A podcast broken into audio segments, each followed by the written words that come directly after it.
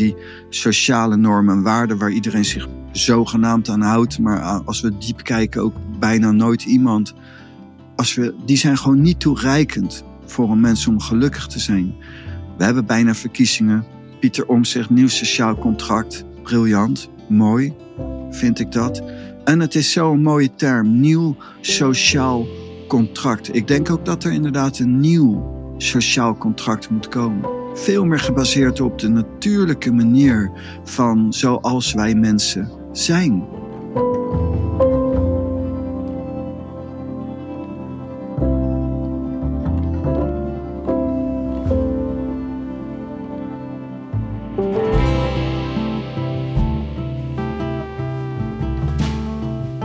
De dag dat deze podcastaflevering verschijnt is het 22 november en dat is ook de dag dat er verkiezingen zijn. Dus heb ik nog even met Pranay overwogen om het voor deze aflevering over politiek, over stemmen en over die verkiezingen te hebben.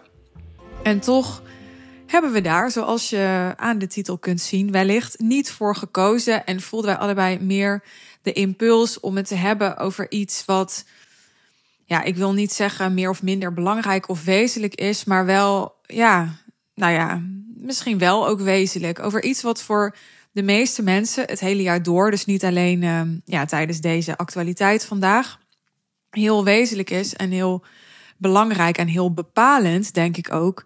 Namelijk de liefde en alles wat daarbij hoort. Dus ook relaties. Aan het einde van deze aflevering hebben we, zoals je aan de titel kunt aflezen, het ook over hechting en hechtingstijlen.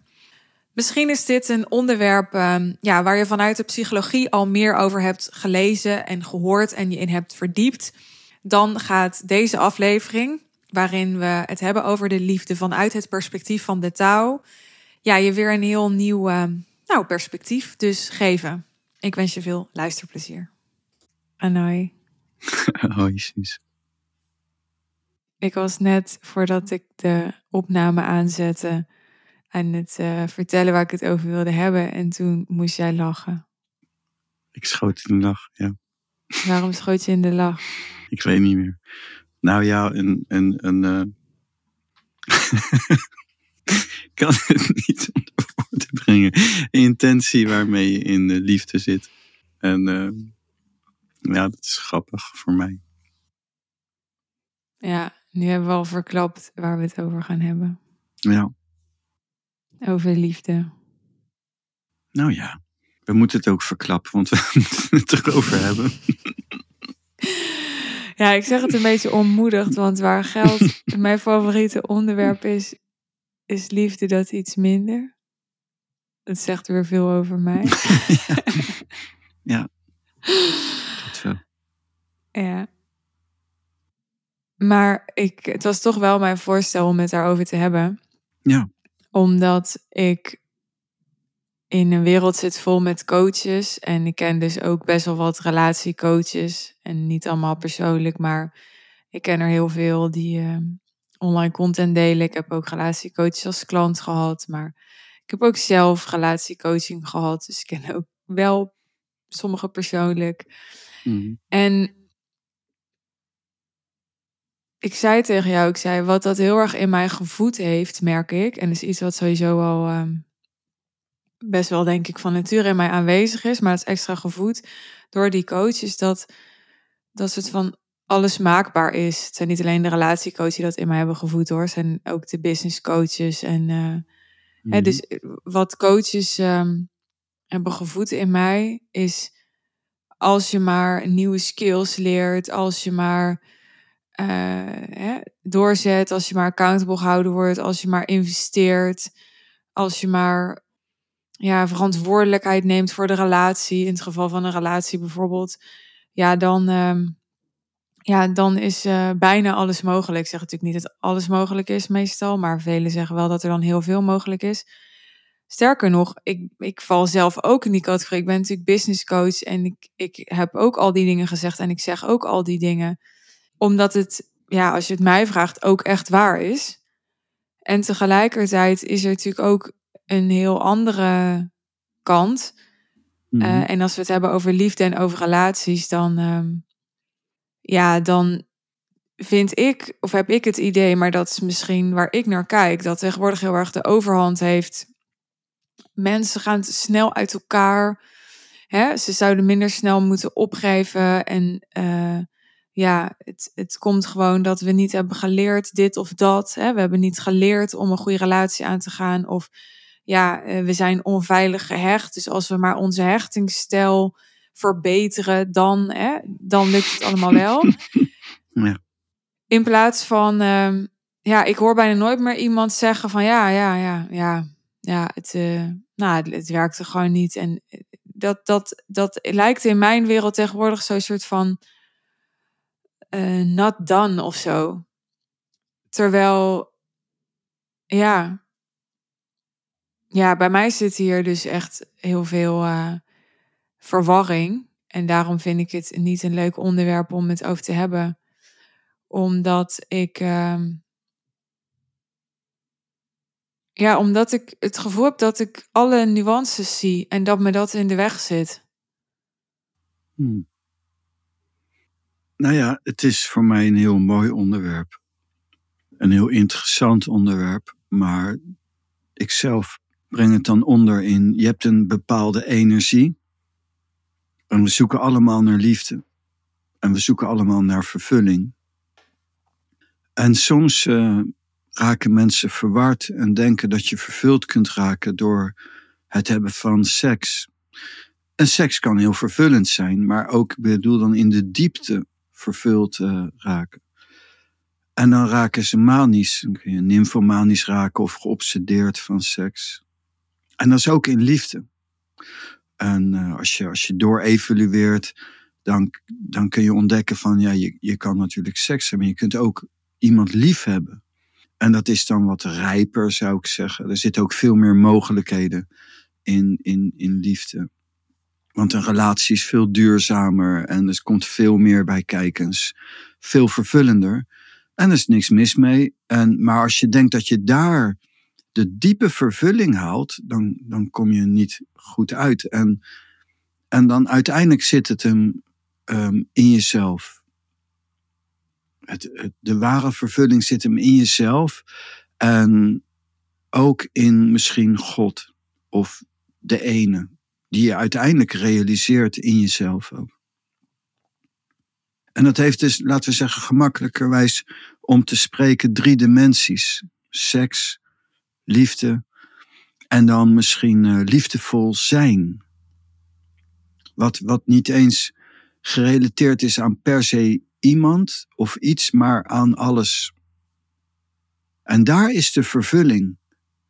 Het geluk, de vrede zit in jezelf en ook de liefde. Dus mensen zeggen, alles is liefde, maar daar ben jij het niet mee eens. En nou, alles is inderdaad liefde.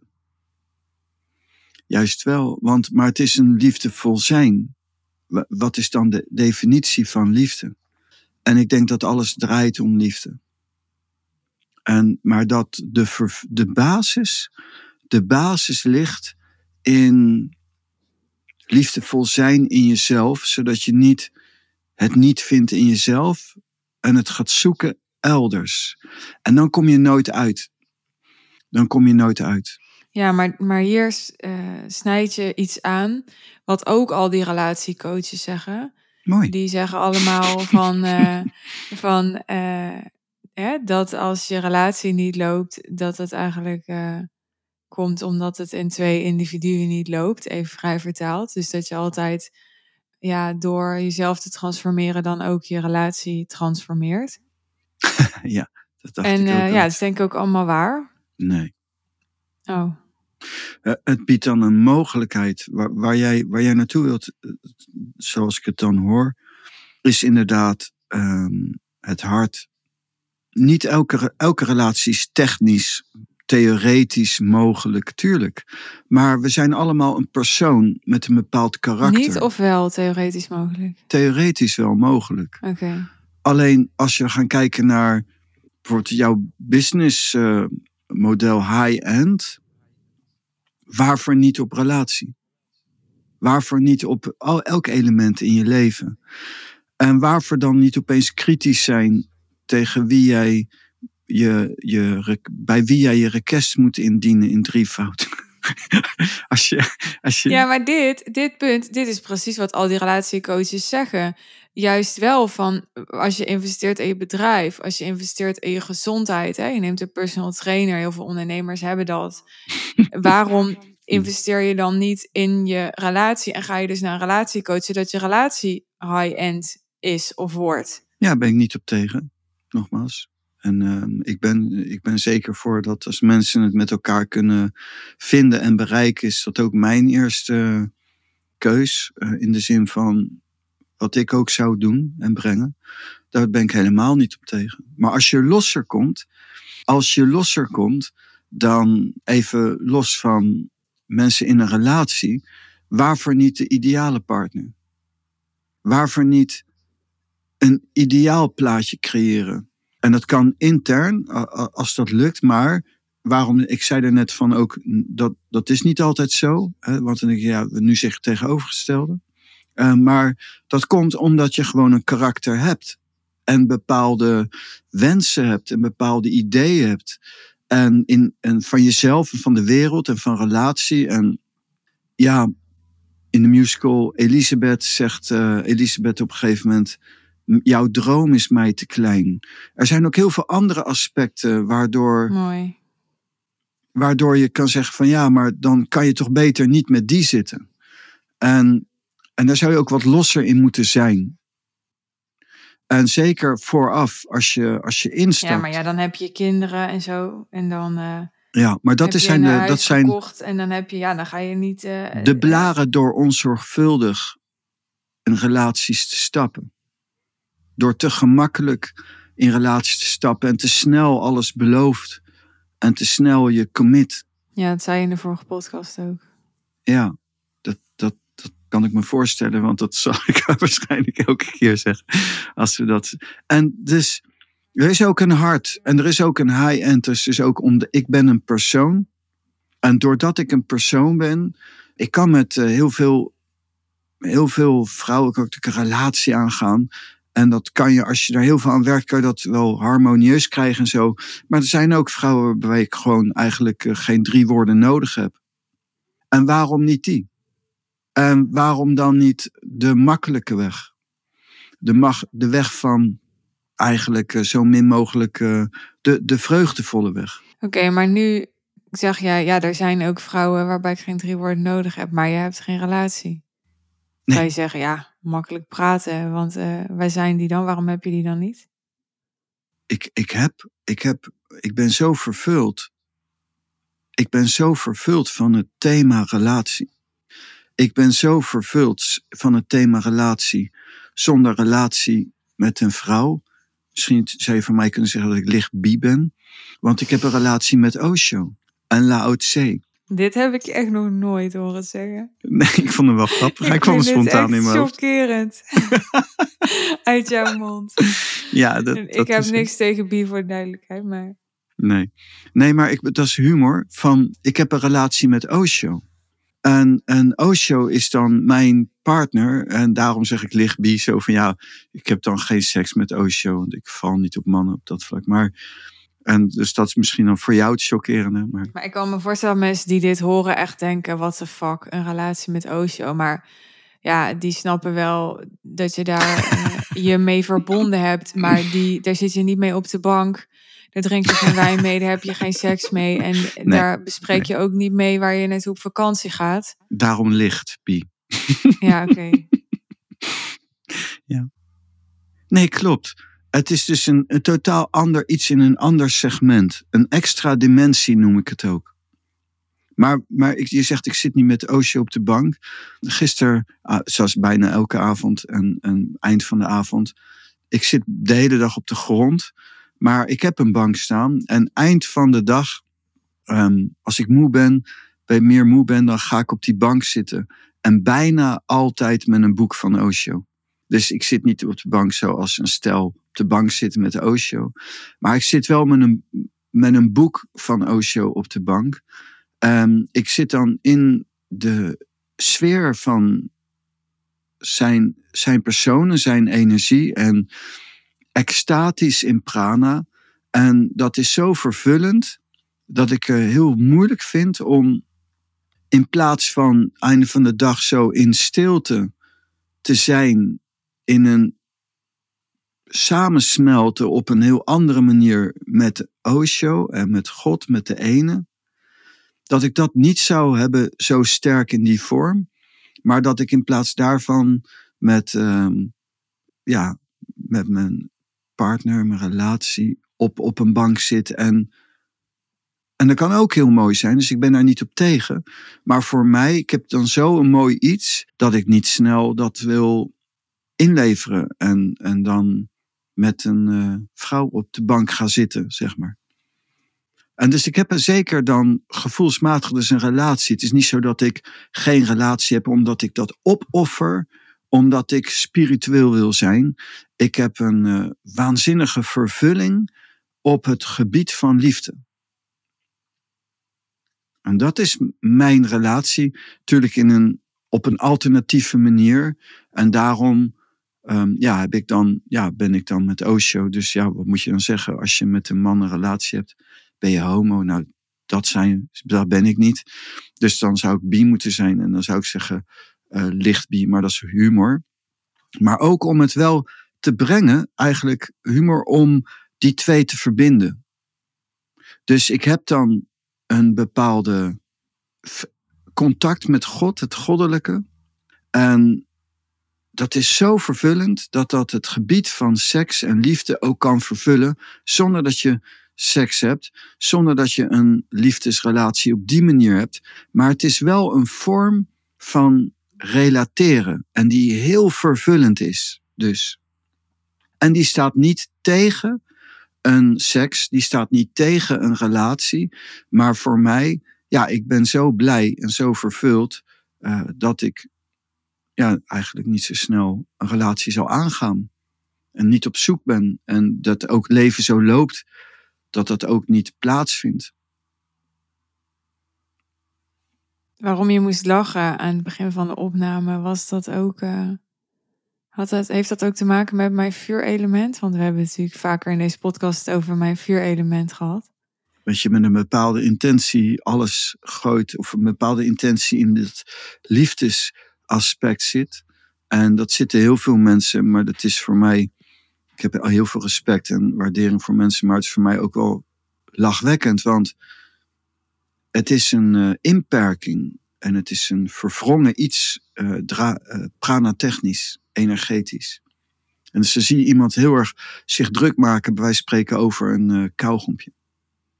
Iemand heeft bij wijze van spreken een kauwgompje in zijn handen. Een kind moet ik dan denken, een kauwgompje. En, en die maakt zich heel erg zorgen om, maar het is maar een kauwgompje. En ik bedoel dat niet te zeggen, het is maar dat ik het niks vind voorstellen. Maar je zou eens moeten weten, God bestaat. En er is een... Uh... Ja, want zo klinkt het dan voor mensen. Hè? Mensen die... Uh, ja, die... Uh nemen liefde heel serieus, denk ik. Terecht, maar niet op die manier. En, en dus de manier waarop, dat is dan voor mij ja, heel grappig om te zien. Uh, zoals je een kind een beetje kan zien stuntelen. Mensen zijn natuurlijk in mij, voor mij, in mijn ogen, zijn mensen tot op het bot gefrustreerd over seks en seksualiteit. En, en zijn mensen ook enorm gefrustreerd op liefdesgebied. Iedereen is bang, jaloers, onzeker. En, en kun je dat uitleggen? Ja, bijvoorbeeld in liefde. Iedereen is bang, jaloers en onzeker en, en zit daar, heeft daar heel veel nadruk op liggen. Zo van daar zit het geluk. En, en, en, en dat, dat noem ik gefrustreerd. Zo van, ze zoeken eigenlijk dat wat ze zoeken, wat je alleen kan vinden in jezelf, zoeken ze in seks of zoeken ze in liefde waardoor daar heel veel beladenheid op ligt. Als, als, ik weet wel dat er mensen zijn die wel eens tegen mij hebben gezegd van ja, maar jij bent, jij bent een spiritueel iemand, dus jij kan niet genieten van seks, anders zou je niet ver zijn. Nou, dat is zo gestoord. En al die beelden, al die ideeën van wat mensen maar kunnen hebben over seks. Van ja, en als een vrouw met uh, vijf mannen naar bed gaat, is het een hoer. En, uh, en, en allemaal zo gefrustreerd. En, en, en als hoeveel, hoeveel stellen krijgen niet ruzie Als er als man of vrouw uh, lief uh, een ander ziet die wel aantrekkelijk is en daar even een beetje mee staat te flirten. Zo gefrustreerd. Waarom, waarom is iedereen zo bang? Waarom heeft iedereen zo'n oordeel? Homo's worden in elkaar geslagen. Wij zeggen, wij accepteren iedereen wel. Nee, homo's worden in elkaar geslagen. Carrièrekansen zijn minder. Maar ik hoor ook wel eens mensen zeggen van... Ik las laatst nog een keer een artikel van... Ja, als je, uh, als je partner, uh, uh, weet ik veel, het niet leuk vindt dat jij... ja, met andere vrouwen chat op Instagram, dan moet je dat gewoon niet doen, want anders heb je geen respect voor haar. Ja, dat vind, ik, dat vind ik een dwangbuis aantrekken. En we kunnen ook volwassen raken op seks en op liefdesgebied. En we kunnen ook openheid creëren. We zijn nou eenmaal seksuele wezens. Wat is daar raar aan? Het is niet fout dierlijk als we genieten van seks. Zo iedereen vindt seks maar zondig, maar we doen het allemaal. En het is zo. Uh... Nou ja, maar ik denk de mensen die hier naar luisteren, ik denk dat die niet uh, luisteren in de beleving dat ze seks zondig vinden. Ik denk dat ze ook niet luisteren in de beleving dat ze. Totdat, totdat hun partner met een ander gaat. Ja. En dus dan, dan, dan is die ander zo fout. En dan is het zo, zo een slechte persoon. En, en, en dus dat is allemaal in een, voor mij in een context van sociale normen en waarden. En waarvan Boeddha al zei, maar die sociale normen en waarden waar iedereen zich zogenaamd aan houdt, maar als we diep kijken ook bijna nooit iemand, als we, die zijn gewoon niet toereikend voor een mens om gelukkig te zijn. We hebben bijna verkiezingen. Pieter Omtzigt, nieuw sociaal contract. Briljant, mooi, vind ik dat. En het is zo'n mooie term, nieuw sociaal contract. Ik denk ook dat er inderdaad een nieuw sociaal contract moet komen. Veel meer gebaseerd op de natuurlijke manier van zoals wij mensen zijn. En dan zijn er ook veel minder problemen in de wereld. Als we natuurlijker kunnen leven. Dat is een heel mooi iets. Dus mensen die denken dat ze niet jaloers zijn, die denken dat ze niet gefrustreerd zijn, die denken dat ze seks niet zondig vinden, maar dat is niet waar, zeg jij. Nee, dat is binnen een bepaalde context dat ze dat vinden. Dus dat is gebaseerd op de sociale normen en waarden, wat men normaal vindt en niet normaal vindt. En, en voor mij, als we bijvoorbeeld. Maar goed, als jij een monogame relatie hebt en ja. jouw partner die gaat vreemd, terwijl je hebt afgesproken dat je geen seks hebt met een ander. Mm-hmm. Ja, dan is, het, dan is het niet raar dat je daar verbolgen over bent, denk ik toch?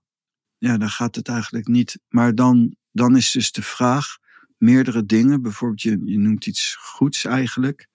Waarom heb je dat afgesproken? Vanuit welke motivatie heb je eigenlijk gehad om af te spreken dat je trouw bent? Dat je, dat je alleen maar met je partner seks hebt. Als die ene dan vreemd gaat. Waarom? En dus het hele verhaal dat dat kan gebeuren, dat noem ik de gefrustreerdheid. Ja. De onnatuurlijkheid. En dus dan, dan zie je al dus dat een afspraak maken van ik ben jouw trouw, terwijl je dat eigenlijk niet wilt, onnatuurlijk is. Ja. Mijn vrouw die mag zich suf neuken. En als ze dat wilt. Maar voor mij gaat het erom dat het wat wij hebben, dat dat open is. En als zij daar gek van is en op een natuurlijke manier gaat. En het, en het kan zijn dat ik zeg van ja, maar dan wil ik het niet. En dat kan. En dat is ook helemaal goed. En het kan ook zijn dat je het wel goed vindt. Maar ik zou nooit willen dat mijn vrouw niet vreemd gaat omdat ze dan ruzie heeft met mij. Dat is geen liefde. Nee. Maar ik kan me voorstellen dat mensen denken, ja, maar ja, jij hebt geen relatie. Dus dan kan je makkelijk zeggen dat je vrouw zich suf mag neuken. Nou, ik zeg dat maar als een voorbeeld. Ik zeg niet dat het mijn voorkeur heeft en dat ik dat wil. Maar ik bedoel dat ik probeer dat juist in te brengen als om te provoceren. Om, om het naar, naar buiten te brengen. Ik, heb dus wat, ik spreek eigenlijk niet over wat ik wil of mijn, mijn ding. Dat, wat ik heb gezien bij mezelf eerst dan, is dat het heel erg afhangt van de chemie tussen mij en die vrouw. En, en dus je hebt een bepaald karakter. En is dat karakter, is het ook op een natuurlijke manier? En als het echt natuurlijk is en ik word verliefd En zij wordt verliefd op mij en we gaan wat aan. Maar zij heeft van nature op een hele onschuldige, natuurlijke manier gewoon een drang om ook met anderen seks te hebben. Zal ik daar niet over struikelen als het op een bepaalde manier gaat? Maar ik zeg niet dat dat mijn voorkeur heeft. Uh, maar ik heb niet een voorkeur. Bij mij is het zo van: het is maar wie je tegenkomt en hoe het loopt en wie die is en wie jij bent. En dat is, kan ook in een periode zijn. Ja. Van in, in een andere periode sta je er misschien anders in. En, en dat is de moeilijkheid. En de ander voelt zich verraden als je anders erin gaat staan. Als je, en het kan zijn dat dat stel bijvoorbeeld heeft afgesproken van, van ja, we willen gewoon monogaam zijn. Dat is heel mooi. Het is natuurlijk gewoon een heel mooi iets om, om, uh, ja, om gewoon alleen voor elkaar te gaan. Maar het kan gebeuren dat in een latere fase er iets wijzigt. En dan zou je eigenlijk dat kunnen brengen. Als je, als je echt een relatie hebt, dan um, heb je die verplichting eigenlijk ook, vind ik. De, de verantwoordelijkheid om open te zijn naar je partner. Dus jij zegt, uh, mensen die gaan te snel, te makkelijk een relatie aan. En, en te veel vanuit het wat aangeboden wordt. Van de manier waarop men een relatie heeft, is al ingekleurd, heel erg. De conditionering is al zo sterk. En men vindt in het algemeen, bijvoorbeeld als je met meerdere mensen seks hebt, is sowieso al minder. Wordt al als minder ervaren. En, en zo, zijn er, zo, zo zitten er allemaal aannames op voorhand al bij. Allemaal stigma's op van, ja, maar weet je, een relatie hoort eigenlijk zo te zijn of zo te zijn. En mijn vraag dan terug is, ik vind het allemaal goed trouwens, maar is dat wel zo? Dus ik vind de mensen gefrustreerd. Ze zijn gespannen onder het, eh, in het element seks. En ze zijn gespannen in het, in het element van liefde. En ik bedoel niet zeggen met gefrustreerdheid, dat, eh, met seks bijvoorbeeld, dat ze inderdaad niet genieten of, of dat ze daar heel erg gebukt onder gaan. Maar er zit. Obsessief zijn. Ja, het gaat echt over een spanning en in een segment wat niet helemaal toereikend is om in de diepte ook verzadigd te raken. Dan is het alleen maar in een segment en dan, en dan, maar dan zitten daar consequenties aan vast in de andere elementen, waardoor je niet in balans komt en in een diepe harmonie geraakt. En dat vind ik de gefrustreerdheid. En ik gebruik die krachttermen constant, om, omdat de derde dimensie ondergesneeuwd is. Ik forceer graag, ik provoceer graag, omdat die derde dimensie er niet in betrokken is. Dus mensen denken bij seks aan seks en aan liefde aan liefde. En seks en liefde is wel gekoppeld, maar niet. Mensen beseffen niet dat je dus met God of met een guru een verbinding, ook zonder seks dus, ook zonder een liefdesrelatie, dus zo van we zitten op de bank en doen ze zo en zo, dat je ook daar heel veel mogelijkheden hebt en vervuld kunt raken. Loesje zegt bijvoorbeeld: hey, leukert, ga je meelachen? Dat is een mooie term. Een mooi iets. Ja, dus je kan, je kan smoor verliefd zijn op iemand. Je kan heel erg van iemand houden. Maar waarom moet je met die persoon per se zoenen? En waarvoor zou je per se een relatie moeten aangaan? En waarom zou dat niet gewoon een vriend of een vriendin van je kunnen zijn? Hoezo zou dat niet gewoon een, iemand kunnen zijn die je, dat je een hele andere weg vindt om die liefde te uiten en de verbinding te leven en van te genieten? Maar tegenwoordig, dat, dat mag niet zoveel. Mensen zijn er bang voor. Het gaat ook vaak fout. Mensen zeggen ook. Uh, ja, ik hoor ook heel veel. Eh, mannen kunnen helemaal geen vrouwen als vriendin hebben of zo. Ja, ik denk het wel, maar je moet ze niet vragen of ze geen seks met ze willen hebben. dus, dus, en wat is dan het probleem als ze dat wel willen? En dat, komt, dat is dan wie bepaalt de norm eigenlijk? Nou, op dit moment de algemene normen en waarden en de sociale normen en waarden. En iedereen die monogaam is, heeft op voorhand in deze maatschappij al gelijk. En dat vindt men natuurlijk. En, en, en als je dan, dan al die mannen neemt, van mij, als je dat dan wil stigmatiseren, die dat wel doen, zo van, ja, dan zijn zij eigenlijk op voorhand al fout. Maar veel van die mannen, maar ook vrouwen, die zitten, zitten daarin, zijn ze geforceerd doordat de sociale normen en waarden zo stellig zijn. En dus ze hadden eigenlijk nooit trouw willen beloven op die manier. En ze hadden eigenlijk nooit. En, maar daar is geen ruimte voor. En dat mag niet. En daarom vind dat vind ik de gefrustreerdheid. Ja. Van, ja, en da, dat bedoelde ik te zeggen met, maar als mijn vrouw dat wil, dan is dat goed. En ik weet niet of ik daarvoor kies. En ik weet niet, maar ik zal het haar nooit kwalijk nemen. En er zal sowieso open over gecommuniceerd moeten kunnen worden. En niet met het idee dat dan een hoer is, als ze dat wilt. Maar dat ze gewoon lekker vindt.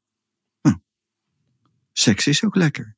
En het is ook spannend. En het is van nature ook zo dat als je iemand ziet en, en er heerst de seksuele aantrekkingskracht, dat je je afvraagt ook van, ja, hoe zou het eigenlijk zijn? Het is heel natuurlijk, is niet bedriegen. Maar het heeft geen ruimte, of nauwelijks ruimte in de maatschappij. Maar en voor mij persoonlijk, die derde dimensie natuurlijk, de, de relatie, de innigheid in jezelf, die je ook kunt hebben in jezelf, in je alleen zijn, is niet eenzaamheid, maar een positieve vorm van alleen zijn. Kan je ook heel gelukkig zijn en vervuld raken. En dat kan helemaal, is mijn eigen ervaring, met God en met een guru. Vrij zijn voor God, omdat God dan ook de ruimte krijgt van een wereldse vorm van relatie. is natuurlijk een heel ander iets, in een andere dimensie. Maar daar wordt weinig over gesproken. Men vindt dat raar. Men ik weet wel, sommige mensen die vinden, die denken ook soms zelfs, heb ik wel eens gezien, dat ze dan, denken dat ik homo ben of zo, omdat ik, um, omdat ik een afwijkend leefpatroon heb. Zo van, waarom zou die alleen zijn? Ja, ja, hij, kan toch genoeg vrouwen krijgen, maar misschien is hij dan wel homo. En, het, omdat nou ja, ik denk eerder ook dat mensen denken een soort bindingsangst of zo.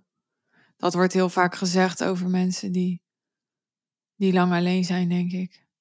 Ja, dat, dat, dat wordt er ook vaak bij gehaald, absoluut ook. En, en dat is ook een, een ander iets inderdaad. Ik heb natuurlijk een mislukt huwelijk gehad.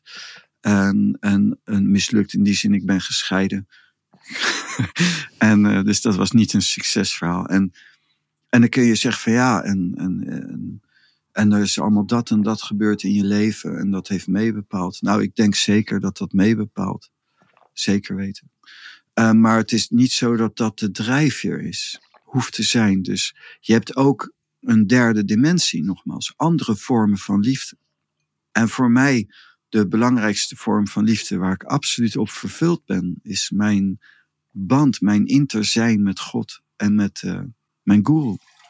is zo vervullend. En ook mijn interactie, het inter zijn met mensen, de kunst van intimiteit, zonder zoenen, zonder een directe relatie. En die bestaat ook. En ik bemerk zelf dat dat wel een, een, een achtergrond is waarop ik uh, in, in de kern vervuld ben. En dan ook niet tegen seks ben of tegen liefde ben, maar dat die druk daar vanaf is.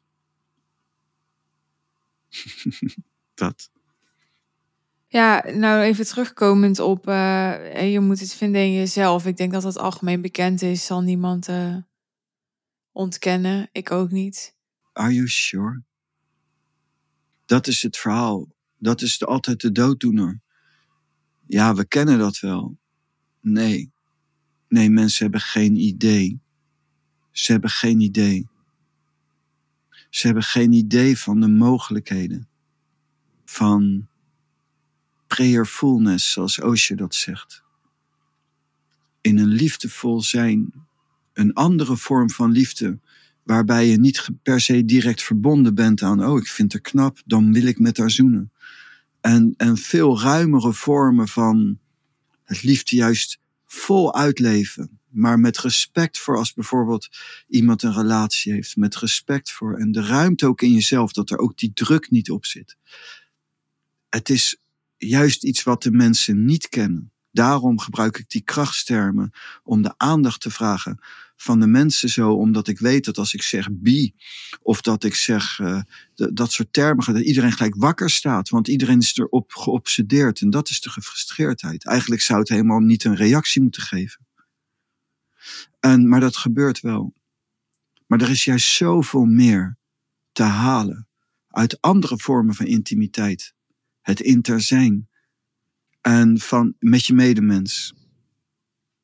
intern met jezelf, met andere mensen en ook met het goddelijke. Dus nee, ik kan dat niet zeggen. De mensen weten dat wel. Ik zie juist dat de mensen dat massaal eigenlijk niet zo goed weten. Alleen rationeel. En dan zeggen, oh, dat weet ik wel. Als we een rationele dood doen en zo, dan is het klaar. Nou, maar, en dan komt de komma, maar, en dan gaan we het hebben over dat andere. En dat wil ik het ook best wel over hebben. Maar we vergeten dan weer die derde dimensie. We vergeten God. God bestaat. En dat is het kritieke probleem. Dat is het wezen, het kritieke punt. Ik durf te zweren, en dat klinkt misschien raar, en dat is niet alleen mentaal, maar als de mensen echt God aannemen, is er binnen de kortste keren geen oorlog. Als we massaal, maar dan niet alleen rationeel zeggen: oké, nou ik neem wel een geloof aan, maar echt gaan beleiden, dan zijn binnen de kortste keren oorlog zo de weg uit. Zit niemand meer bij de verkeerde partner, zit niemand meer op de verkeerde plek, dan loopt iedereen zo spontaan naar de juiste plek. Maar ja, hoe, hoe doe je dat? je zegt ja, niet gewoon even zo in je vingers knippen en ik heb rationeel een beslissing genomen, maar hoe dan wel? Beoefenen. Beoefenen. Boeddha zegt, ehm, als je bewust wordt dat het leven pijn en lijden is, dan kun je gaan beseffen daarna dat er bevrijding mogelijk is. En als, hij zegt, als je dan weet dat bevrijding mogelijk is, dan kun je gaan verdiepen in een systeem, in een pad wat ook in staat is om je te bevrijden. En dan moet je die ook nog eens uit gaan voeren. en rationeel aannemen van ik ben christen of ik ben moslim is niet voldoende. Je moet het ook waarmaken. Je moet ook beleiden en ook echt leven. Of boeddhist of wat dan ook. Wat denk je dat het verband is tussen uh, mijn relatie met liefde en uh, ja, het feit dat ik uh, nu aan het leren ben over de taal? Dat is hetzelfde segment, is een hogere vorm van liefde. Ja, maar, maar is dat volgens jou omdat ik gedesillusioneerd ben over liefde, waardoor ik het ergens anders ben gaan zoeken? Nee. Nee. Nee, zo. Dat, dat, nee, het is iedereen, maar bij jou is dat wat sterker, vind ik. Um, iedereen zoekt God. En raakt daarom niet vervuld op seks en liefde. En op lange termijn ga je automatisch. Seks is makkelijk. Seksualiteit is nooit naar één. En, en dus, dus dat, dat is heel snel. En dan, ontdek je dat het niet exclusief is. Liefde is moeilijker te doorklieven.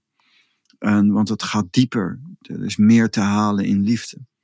En, en, maar op een gegeven moment kom je erachter dat de, de werkelijke motivatie in de diepte niet direct seks was in seks. En niet direct liefde was in liefde, maar een hogere vorm van liefde. In heel zijn. En liefdevol zijn, een zijnstoestand in jezelf. En dat is de reden. Je, je zoekt iets en je vindt het niet. Je zoekt iets en je vindt het niet. En de mensen die wat intelligenter zijn of wat rijper zijn op een bepaald moment, die beseffen van het is mooi. Het kan mooi zijn wat jij er straks aanhaalt. Ik besef echt wel, er zijn heel veel mensen met een gelukkige liefdesrelatie. Ik ben daar niet op tegen. Ik geloof niet dat dat een illusie is. Uh, maar die vorm van liefde, die, daar ben ik helemaal voorstander van. Iedereen die dat kan hebben, is mooi. En iedereen die geniet van seks, uh, is mooi. En ook als het kinky is of wat dan ook. Ik ben niet, vind het niet pervers of wat dan ook. Het mag als het iedereen het wil en het meerderjarig is en niet tegen de wet is. Ik vind het allemaal goed en mensen die daarvan genieten, vind ik mooi. Maar wat ik, mijn, mijn inbreng is, los daarvan en daarbij, is dat ik de liefde van God wil brengen. En die is echt groot. En die is echt vervullend. Ik ben zo gelukkig. Ik kan je niet uitleggen hoe vervuld ik me voel in mijn intentie van zijn door met God te leven. En dan had ik ook net zo makkelijk wel een relatie kunnen hebben. Dat is niet tegen relatie, maar in mijn geval is mijn persoon ook door hoe mijn leven gelopen is en wie ik ben ook, tot nu toe blijer alleen. En maar daar gaat het niet om. Ik had net zo goed een relatie kunnen hebben. Maar los daarvan is er gewoon ook echt een prayerfulness en een liefdevol zijn en God en de ene die je zo vervult. En voor mij is het daar. Het zwaartepunt zit bij leven met God. Ook in de vorm. Maar dat kan ook met een relatie. Dus daar wil ik wel bij benoemen. Maar bij mij gebeurt dat niet tot nu toe. En ambieer ik ook niet meer. Ik ben niet uit op een relatie. Maar je zegt eigenlijk met het voorbeeld wat jij net geeft, van met Osho op de bank zitten, dat een relatie ook je relatie met God kan aantasten. Ja, dat gebeurt natuurlijk heel veel. Maar dat mag je niet noemen, want dan ben je een secte. Maar dat is wel waar. Het is natuurlijk het verhaal wat natuurlijk gewoon zo beangstigend is. Als je ook al in een relatie een, een diepe vriendschap aangaat, jij als vrouw met een andere man, is dat bedreigend snel. En, en komt er snel verwarring en, en angst, onzekerheid, jaloersheid en onduidelijkheid. Ehm, en dat is helemaal bij God, want dat is een, een, zoiets vervullends, dat neemt iemand helemaal in beslag. En dat, vind, dat wordt dikwijls als angstaanjagend gevonden. En jij zegt dat Osho zegt each love affair is dangerous. Ja, maar dat is een heel thema wat heel diep gaat. Dus dat, dat, daar zijn we mee bezig. Om dat uit te diepen. En maar each love affair is dangerous. Dat is absoluut waar. Maar dat is wel, vraagt wel heel veel verdieping, heel veel om wat, wat betekent dat? Dat is niet even uit te leggen. En dat moet je zeker niet uh, te dogmatisch brengen naar dat je een, een relatie gevaarlijk is. Maar het is wel waar, als we gaan kijken naar het innerlijk geluk, moet je eens kijken hoe mensen zitten in roering en ellende door relaties. Maar zo was het niet, dat dekt niet de lading van waarom Osho zegt iets love affair is dangerous. Dat, dat gaat eigenlijk veel dieper in op eh, de, een diepe dharma-wet. Wat, wat zo is. En op deze manier wordt Osho dus ook verkeerd begrepen, omdat mensen dat dan heel letterlijk en dogmatisch nemen. Ja, het heeft, hij praat dan. Dus de kern, heel kort gezegd, de kern gaat daar dan eigenlijk over dat je, als je wilt transformeren, dan kun je transformeren door je helemaal te laten onderdompelen in bijvoorbeeld Jezus. Of een Osho, of welke. Eh, maar het moet wel een guru zijn. Een guru moet wel iemand zijn die ook daadwerkelijk verlicht is. Dat is wel heel essentieel. Een daadwerkelijk een verruimd bewustzijn heeft. En waar je mee omgaat, word je mee besmet. Maar in de diepte, op het diepste moment, zoals in de Bijbel staat, als je liefde volmaakt is, dan is er ook geen angst, ook niet voor de dood. En als we nog angst ervaren voor de dood of onzekerheid en ongemakkelijkheid bijvoorbeeld, dan is de liefde niet volmaakt.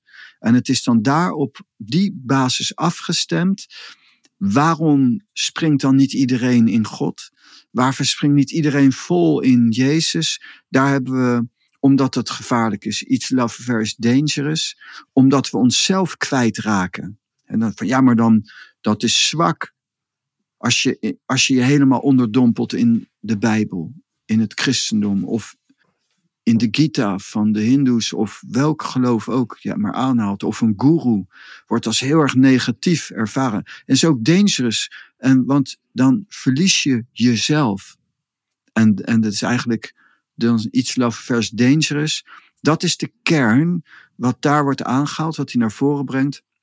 Maar diezelfde kern en diezelfde dharma-regel, diezelfde wet, die, die is ook toepasbaar op seks en liefde. Maar dan kom je op andere uitleg. Dus dat, vraagt dan wel heel veel uitleg. Daarvoor begint Osho ook daar met het antwoorden van: dit is een zeer complexe vraag. Een complex iets wat ik het liefst wil beantwoorden vanuit alle aspecten. Het is niet zo eenvoudig. En daar ontstaan heel snel misverstanden over. En inderdaad, doordat Osho ook, uh, net als ik eigenlijk, dan houdt van krachtige termen gebruiken, die je in eerste instantie gewoon uit, uitgelegd op liefde- en seksniveau eigenlijk niet is wat hij bedoelt. En, maar gebruikt het wel om het wakker te maken, om het, om het onderwerp naar voren te brengen, zodat de mensen zich daarmee bezig gaan houden. En dat, die strategie hanteer ik ook. En daarom gebruik ik dan bijvoorbeeld, ik snijd Poetin's strot door of zo. Um, nou ga ik niet ehm, in de praktijk letterlijk Poetin's strot doorsnijden. En zo zit ik er ook niet in. Ik ben iemand die uh, geweldloos ehm, door het leven gaat. En niet uh, geloof in geweld als een middel om je doel te bereiken, wat Poetin bijvoorbeeld demonstreert. Uh, met zo'n oorlog voeren. Dat is niet verrijkend. En, en, maar waarom zeg ik dat dan toch? En waarvoor gebruik ik dan al dat soort termen uh, om het wakker te maken, maar met, om daarna te gebruiken om bij een derde dimensie te komen, bij de taal bij de ene, bij God. Of bij, als je atheïst je innerlijk geluk. De diepte, de diepste lagen in jezelf. Nou ja, daar kan ik helemaal op doorgaan. Maar dan wijken we denk ik een beetje af van, uh, van het thema. Nou ja. Waar ik nog aan moest denken is dat jij laatst aan mij de, de trap, ik noem het maar even trap, vertelde. Lichaam, geest, hart, bewustzijn. Ja kunnen we dit zo letterlijk nemen dat we zeggen: oké, lichaam is gekoppeld aan seks bijvoorbeeld. En mm. uh, een relatie is gekoppeld aan uh, geest, hart. Of liefde is gekoppeld aan hart. maar misschien ook toch een beetje. Ja, dat is tegenwoordig een, een beetje de vraag wordt, natuurlijk. Sommige liefdesrelaties zijn gekoppeld aan het lichaam. dat is natuurlijk de verwarring. ja, ik zat ook al zo van, ja, hoe gaan we dit koppelen? Maar um, ja. ja, in ieder geval... Je hebt ook een spirituele vorm van relatie. Je kunt ook op een spirituele manier een relatie aangaan. Ja, daar heeft uh, Jan Geurts het altijd over. Die ken jij niet, hè, Jan Geurts? Ik herken wel zijn naam. Ja, die um, heeft uh, maar... Verslaafd aan Liefde geschreven. Hm. Ja, ik heb wel eens een heel klein stukje van hem, een heel klein stukje van hem gezien op YouTube. Uh, maar ik, ik, ken, ik ken hem niet in de zin, ik, ik, ken, ik herken zijn naam, maar ik weet, ik kan er niet iets, niet iets over zeggen. Nee, maakt ook verder niet uit, maar die, uh, ja, die heeft het altijd over spirituele relaties. Ja, is mooi. Versus uh, ja, ego-relaties. Ja. Ja, ik vind het altijd mooi om naar te luisteren. En tegelijkertijd, dat heb ik bij jou ook een beetje. En dat heb ik bij hem ook. Weet je, hij heeft dus niet ja, één uh, liefde van zijn leven. En ik weet helemaal niet of hij nu een relatie heeft. Maar dat gaat allemaal nogal los, zeg maar. En ik vind dat gewoon, ja, dat zal mijn vuurelement wel zijn. Maar ik, uh, ik heb daar helemaal niks op tegen ook. Net zoals jij, ik vind het allemaal prima. Maar ik vind dat niet zelf iets heel aantrekkelijks. Dan moet en je zoals jij. Met, uh, Jan Geurts gaan relateren.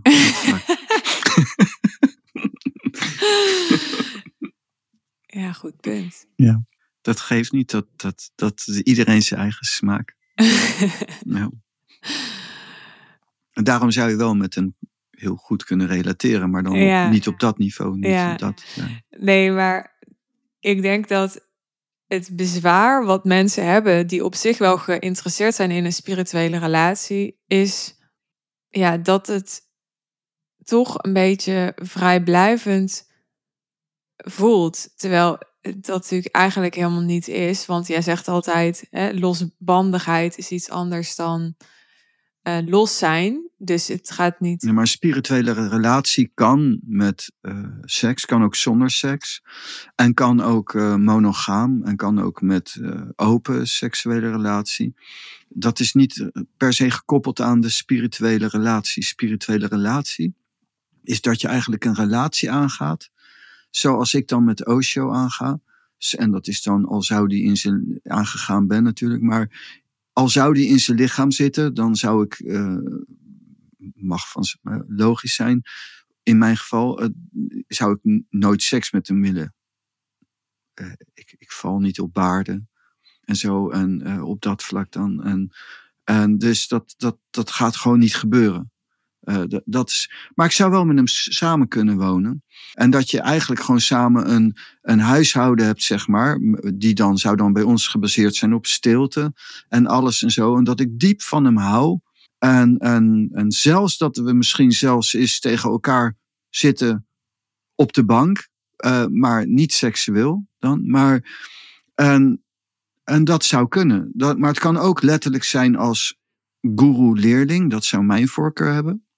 Maar wel ook als vriend, maar meer guru-leerling in dat geval. En, en dat is ook een relatie. En dan kun je ook samenwonen. En als Osho een vrouw was geweest en hij had gewild en ik had gewild, hadden we dan ook seks kunnen hebben. En dat kun je op heel veel manieren invullen, maar het kan ook net zo makkelijk niet, ook als het een aantrekkelijke vrouw was geweest. En dus de, eh, de spirituele relatie is gekoppeld aan het delen en het verdiepen en verfijnen van ook het spirituele aspect. Maar in dat spirituele aspect zit ook het menselijke aspect. Maar omdat het ruimer is dan seks en liefde, hoeft dat helemaal niet gepaard te gaan met seks. En gaat het wel gepaard met een vorm van liefde, maar niet in de vorm van liefdesrelatie als een man en vrouw in het algemeen, maar ook man-man of showmo bent, maakt mij niet uit. Wat, wat, welke vorm dan ook. Gewoon een relatie aangaat met iemand anders. Um, dat, dat kan ook, maar dat kan ook toch zonder dat die vorm van liefde, maar in een andere vorm van liefde weer. En dus er, zijn veel, er is ook, is dus ook een andere vorm van liefde en die is zo vervullend. Die vervult je als je het goed doet, ook van seks en liefde zonder dat je dat hebt. Maar het kan net zo makkelijk wel, dus het is er los van.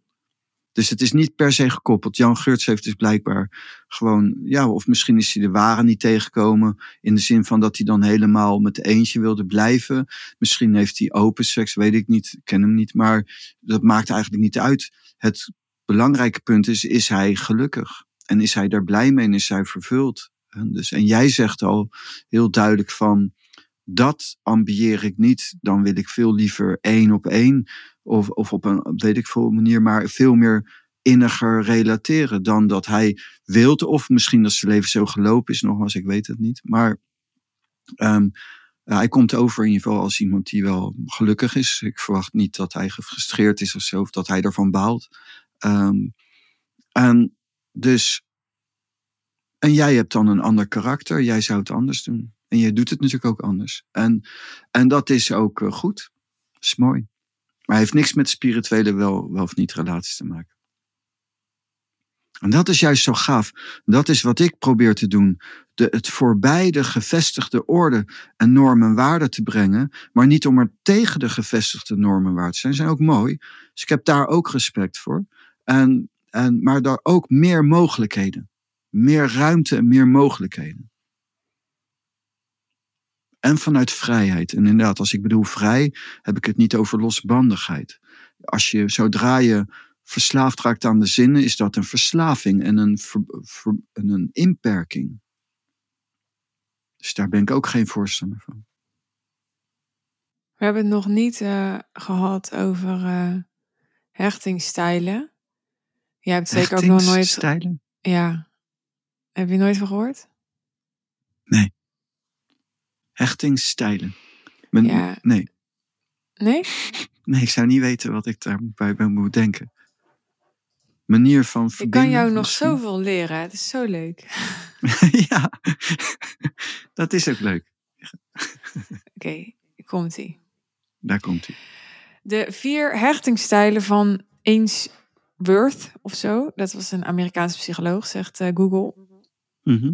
Je hebt eh, onveilig vermijdend gehechte kinderen. Je hebt veilig gehechte kinderen.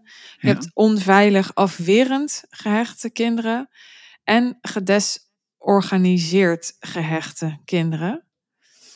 En ja, dat... eh, Is die man een filosoof? Weet je dat? ik denk dat het een vrouw is. Of, maar vrouw? er staat hier psycholoog. Maar dit gaat dus... Psycholoog. Ah, dat verklaart het. Ja, nee, nee, ben ik allemaal. Ja, dat Ja. verklaart het, ja. ja ik maar kijk, denken. dit was dus, dit ging nog over kinderen, maar nu heb ik hier een artikel Hmm. over hechtingstijlen en hun impact op de liefde. Ja, Nou, hier komt het. Je hebt dus, ehm, als je dat dan vertaalt naar liefde, heb je uiteindelijk veilige hechting, die natuurlijk, eh, ja, hoe zeg je dat? Coöpereert met eh, dat je veilig hecht bent als kind. Dan heb Ja. je angstige hechting. Angstige hechting ontstaat als je ouders inconsequent waren in hoe ze op jouw behoeften als kind reageerden. In je Mhm. latere leven betekent het dat je weliswaar hunkert naar intimiteit, maar dat je tegelijkertijd ook vaak piekert over je relatie en het vermogen van je partner om jouw liefde te beantwoorden. Dan heb je vermijdende hechting. Dat is als je ouders of verzorgers afstandelijk en star waren en niet op jouw behoeften als kind reageren. Wie vermijdend gehecht is, ervaart intimiteit als het verlies van zijn onafhankelijkheid en gaat nabijheid zoveel mogelijk uit de weg. En dan heb je angstig vermijdend gehecht. Dan ben je gewoon helemaal eh, de klos, volgens mij. nee, maar een heel klein percentage van alle mensen is angstig vermijdend gehecht. Zij willen zich wel graag emotioneel binden, maar durven het niet als puntje bij paaltje komt. Deze mensen hebben last van bindingsangst. Dus eh, als je vermijdend gehecht bent, dan laat je de ander nooit echt dichtbij komen. Maar als je angstig vermijdend gehecht bent, dan, dan bind je helemaal niet. Nee. En als je dus angstig gehecht bent, dan bind je wel. Maar dan pieker je vaak over je relatie en het vermogen van je partner om jouw liefde te beantwoorden. Ja, Ja, en, en dat, eh, ja, daar, daar psychologisch een mooi systeem voor de psychologie. Ik kom dan uit de vermijdende hechting. En eh, daar heb ik psychologisch in gezeten. En eh, dat herken ik dan als je dan eh, iemand moet categoriseren. Dan, ik heb als kind niet zoveel aandacht gehad. En of in ieder geval niet ervaren. En daardoor kreeg ik wel een hele vermijdende hechting. Ik, da- daar ben ik me heel erg van bewust. Zei mijn dochter nog een tijdje geleden. Ja papa, ik weet eigenlijk wel waarom jij geen relatie aangaat. Want dat komt dan... En toen noemde ze deze punten op. Toen zei ik, ja dat klopt. Ja, alleen wat bijzonder is, is dat jij wel heel erg gehecht bent aan jouw kinderen. Terwijl de E- meeste enorm. mensen, ja, de meeste mensen met zo'n hechting, die, die kunnen dus niet goed hechten. Dus ook niet aan hun kinderen. Nee, maar dat komt bij mij door de derde dimensie.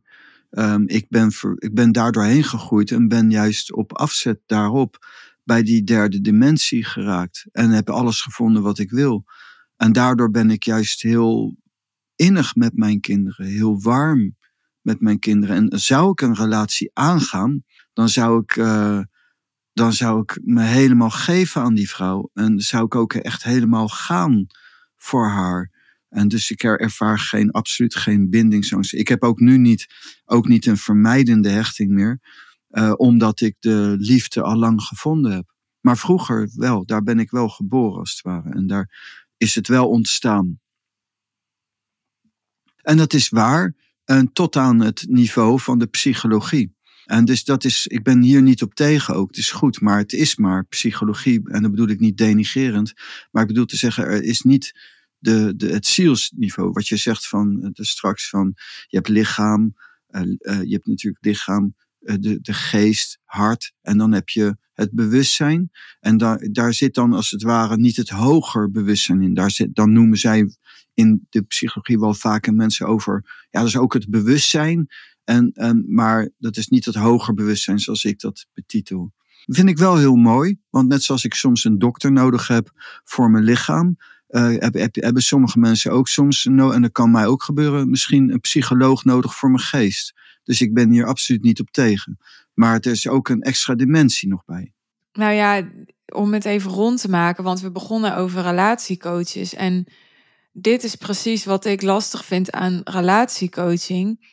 Dat je natuurlijk vanuit de psychologie kunt zeggen: Oh ja, ja, nee, ja, jij bent vermijdend gehecht. En, uh, en daarom ga je dan uh, hè, dit of dat uit de weg en zo. En, ja, en dat kan dan heel goed waar zijn, want ik heb boeken gelezen over hechting en zo. En dan, nou, dan kan je ook lijstjes afvinken. Ja, en dan kan je ze allemaal afvinken. En dan zeg je: Nou, ik hoor dus in dat vakje. En dan. Ja, dan ga je daar helemaal naar leven en ook daar de oplossing naar zoeken en zo. Maar ik denk dat ja, maar voor hetzelfde geld ben je gewoon helemaal de wagen nooit tegengekomen. En, en is het eigenlijk heel legitiem dat je je nooit echt hebt gehecht. Want je dacht gewoon, ja, dit ik is denk gewoon dat niet beide, helemaal... Ik denk dat ze beide bestaan. Ik denk dat als je jezelf niet kan categoriseren in een van die categorieën. Als je dan even meegaat in, de, in, de, in, het, in het, uh, de categorieën die geplaatst worden. Dan, dan ben je daar misschien nog niet... Uh, onthecht van of nog niet bewust genoeg van. En ik denk dat we, je zou dit makkelijk zo kunnen gebruiken. En, en eigenlijk zou iedereen dan wel moeten weten van nou, nou ja, ik, ik heb wel veilige of angstige, vermijdend of uh, uh, en, en zo van welke categorie zo. En als je dat niet Ik weet, ging een keer dus zo'n zo'n checklist doen in zo'n boek. ja, En toen ehm, had ik ze allebei. had jij ze allebei? Ja, je bent complex, Suus. Verbaas je dat? In, in, eh, nee, ik, ik ga niks zeggen. Nee, ik, eh, niks zeggen. ik was- Ja, allebei. Er zijn natuurlijk meer dan twee. Maar ik had zeg maar en de... Ik had en vermijdend en angstig. Ik heb gewoon de jackpot. ja, gefeliciteerd. Ja. Nou ja, maar daar zien we niks van terug gelukkig in je Nee, leven. dus het is helemaal goed gekomen. Ja. ja. Er is hoop. Ja. Nou, ik denk dat we hem hier maar mee moeten afronden. Is goed, Suus. Dit was aflevering 422 van de Suus en Pranay podcast. Tof dat je tot hier hebt geluisterd. Dankjewel voor je aandacht. Als je wilt reageren, je reactie is welkom. Weet je nog niet hoe je ons kunt bereiken? Check dan even de show notes. Daarin vind je onder andere ons e-mailadres en mijn social media kanalen. We hebben ook een groep, Pranay en ik. Wist je dat? Mogelijk wel als je vaker luistert, maar misschien ben je nieuw hier. We hebben een Suus en Pranay groep. Dat is voorlopig nog de werktitel. En daarmee komen we op dinsdag en donderdagavond online op Zoom van 8 tot half 10. Met ondernemers die in de praktijk willen brengen waar we in deze podcastafleveringen over praten. Die daar persoonlijke begeleiding bij willen en daar de meerwaarde van zien. En die ook op zoek zijn naar ja, gelijkgestemden die ehm, met dezelfde materie bezig zijn als zij. Dat is het mooie aan de groep, de communiteit die we aan het creëren zijn en gecreëerd hebben. Ik ben daar heel blij mee. Als jij je geroepen voelt om je daarbij aan te sluiten, we staan open voor mensen, ondernemers dus, die openstaan. En als jij dat bent en je wilt meer weten, Pranaya en ik hebben specifiek twee podcastafleveringen over dit aanbod gemaakt. Dat zijn aflevering 402 en 412. Dus ik verwijs je graag daar naartoe als je nieuwsgierig bent. Heb je daarna nog een vraag, dan kun je ons dus mailen of stuur mij een berichtje op social media. Ik help je graag. En in ieder geval is het goed om te weten dat we geen sales page hebben. Dus als je zegt, ja, ik wil erbij, dan ehm, ga je gewoon lekker handmatig contact met ons opnemen. We houden het voorlopig heel simpel. Mocht dat veranderen en we het allemaal meer gaan automatiseren en zo, dan hoor je het vanzelf. Ik eh, ja, wil je bedanken voor het luisteren, nogmaals. En ehm, graag tot de volgende keer. Bye bye.